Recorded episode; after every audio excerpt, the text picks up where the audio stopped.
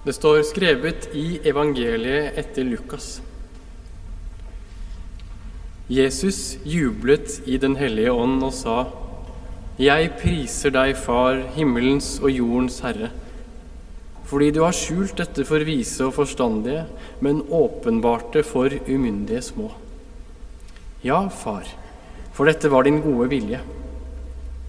Alt har min far overgitt til meg.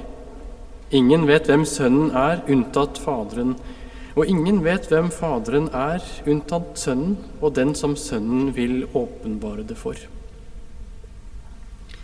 Da de var alene, vendte han seg til disiplene og sa:" Salige er de øynene som ser det dere ser.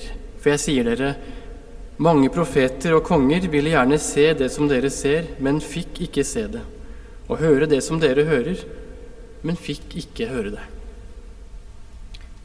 Slik lyder det hellige evangelium. Gud være lovet. Kjære alle sammen. I dag ønsker jeg å dele noen refleksjoner om den treenige Gud med dere. Vi bekjenner en treenig Gud i trosbekjennelsen som ferdig tygde setninger. Men i dag vil jeg foreslå at vår kjennskap til Gud som treenig vel så mye starter med å gå inn i et mysterie som å begynne i en ferdig tenkt teologisk konstruksjon.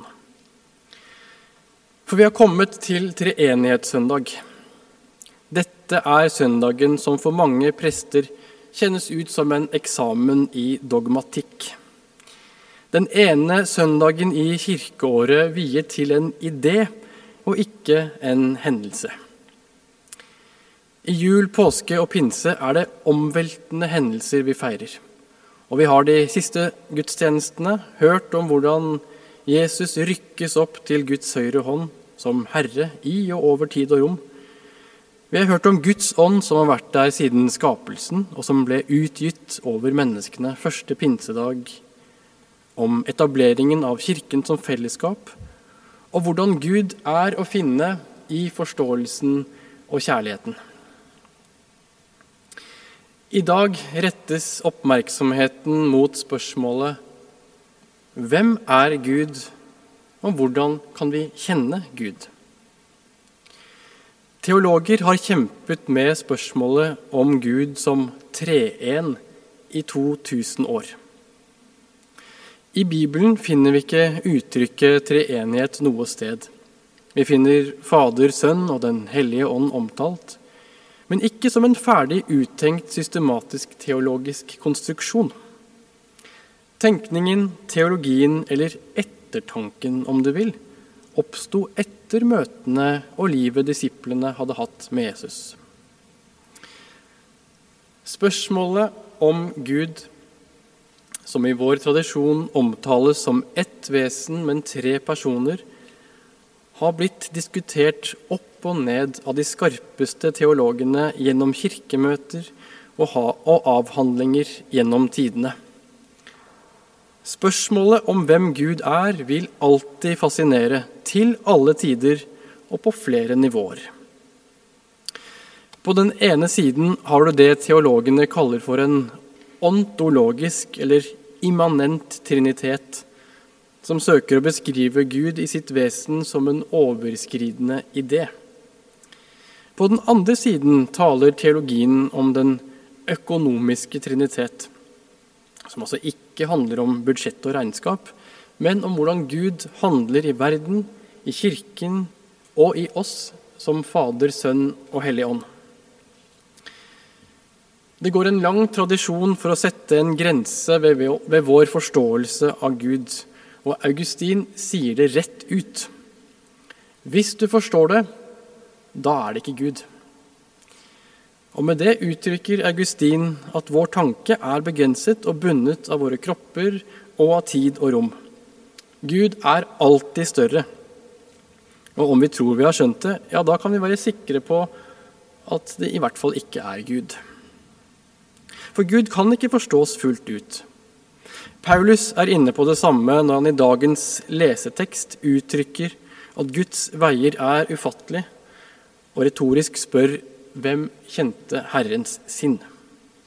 Dette kommer også til uttrykk i kunsten, f.eks.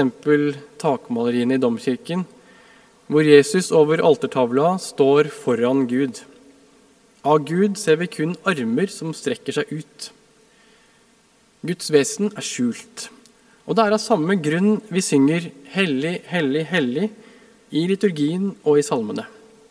Hellig, kadosh på hebraisk, agios på gresk. Vi snakker om noe som ikke er av denne verden, men som har skapt den, og samtidig er i den.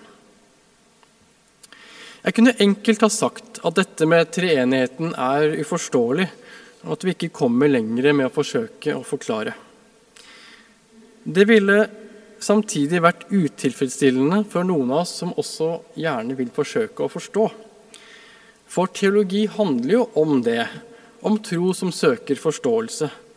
Om tro som søker språk, enten det er formulert som logiske, stringente tankerekker, eller som bilder, musikk og poesi. For grunnlaget for å snakke om Gud og forsøke å fortolke hvem Gud er, kommer på bakgrunn av at Gud har vist seg for mennesker gjennom historien. Den urgamle fortellingen om Abraham i Mamris Eikelund og de tre menn som var på besøk, har gjennom kirkens historie blitt tolket som et uttrykk for at Gud viste seg som nettopp tre. Ved hver gudstjeneste lytter vi til fortellinger fra Bibelens 66 bøker. Vi ser utviklingen av gudsbilder gjennom Det gamle og Det nye testamentet, og vi holder de sammen med våre egne erfaringer. Fortellingene og erfaringene blir fortolket. Og Gjennom dette får vi tale om Gud. Vi får teologi. Det hører med til det å være menneske å forsøke å forstå. Og Derfor så vil jeg på ingen måte avvise teologiens og den troendes tale om den treenige Gud. Men jeg vil forsøke å peke på hvordan en slik tale kan begynne. Samtidig må teologer og troende mennesker lytte til stemmene fra historien som har sagt at Gud er hellig og skjult, og at det alltid er en grense for språket og forståelsen.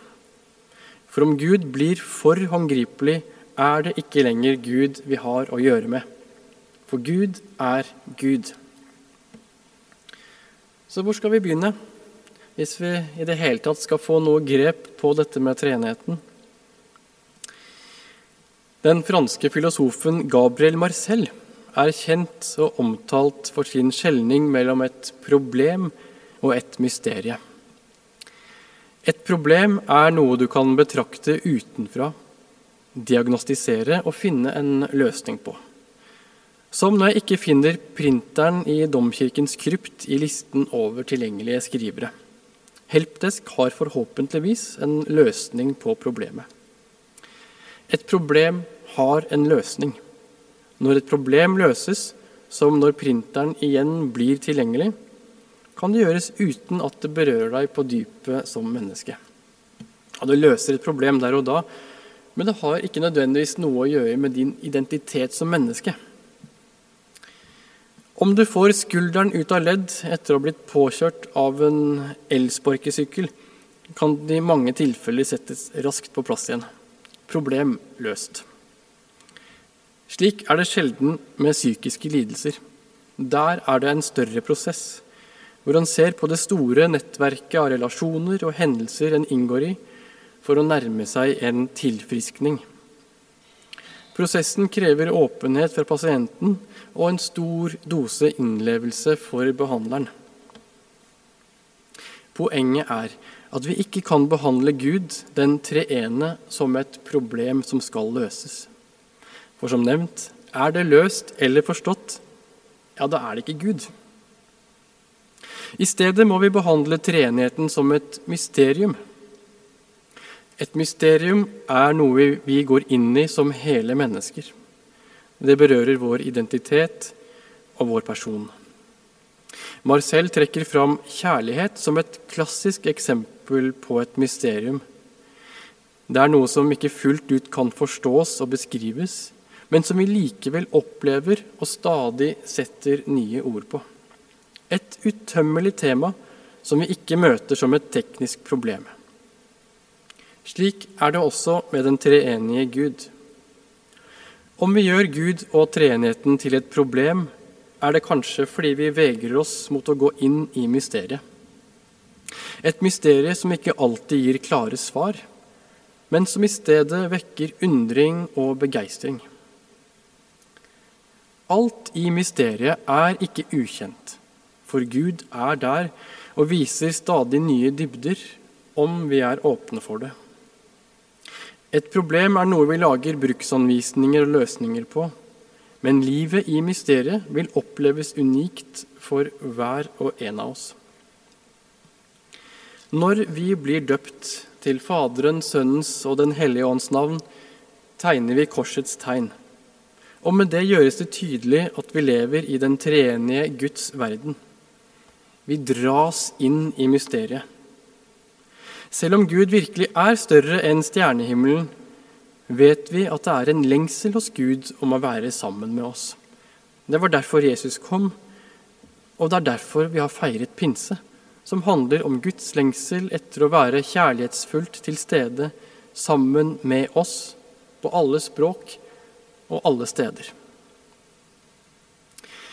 Kanskje er veien inn i mysteriet, livet med den treenige Gud, en vei som starter med bønn. Teologen Sarah Coakley foreslår det, og jeg tror hun har rett. Bønn kan ta mange former, så vi trenger ikke bekymre oss for hvordan vi ber. Ønsket og lengselen etter bønn, det er bønnens begynnelse. Det handler om å være åpen for hva Den hellige ånd gjør i oss. Bønnen tar oss med inn i mysteriet, i livet med Gud, som er tre personer bundet sammen av kjærlighet. I mysteriet finnes en evig dybde. Det vil alltid være mer. Og med det er vi framme ved dagens evangelietekst. Jesus jubler, står det. Det er ikke så ofte evangeliene forteller at Jesus er glad, men det er han åpenbart her. Gleden handler om mysteriet. Gud er ikke først og fremst å finne hos de vise og forstandige. Gud er å finne hos de umyndige små. Jeg tror Jesu ord handler om at Gud er å finne hos den som blir som et barn som vandrer rundt i verden som om den var et mysterium. Med et barns begeistring, nysgjerrighet og glede. Ære være Faderen og Sønnen og Den hellige ånd, som var, er og være skal, en sann Gud fra evighet og til evighet. Amen.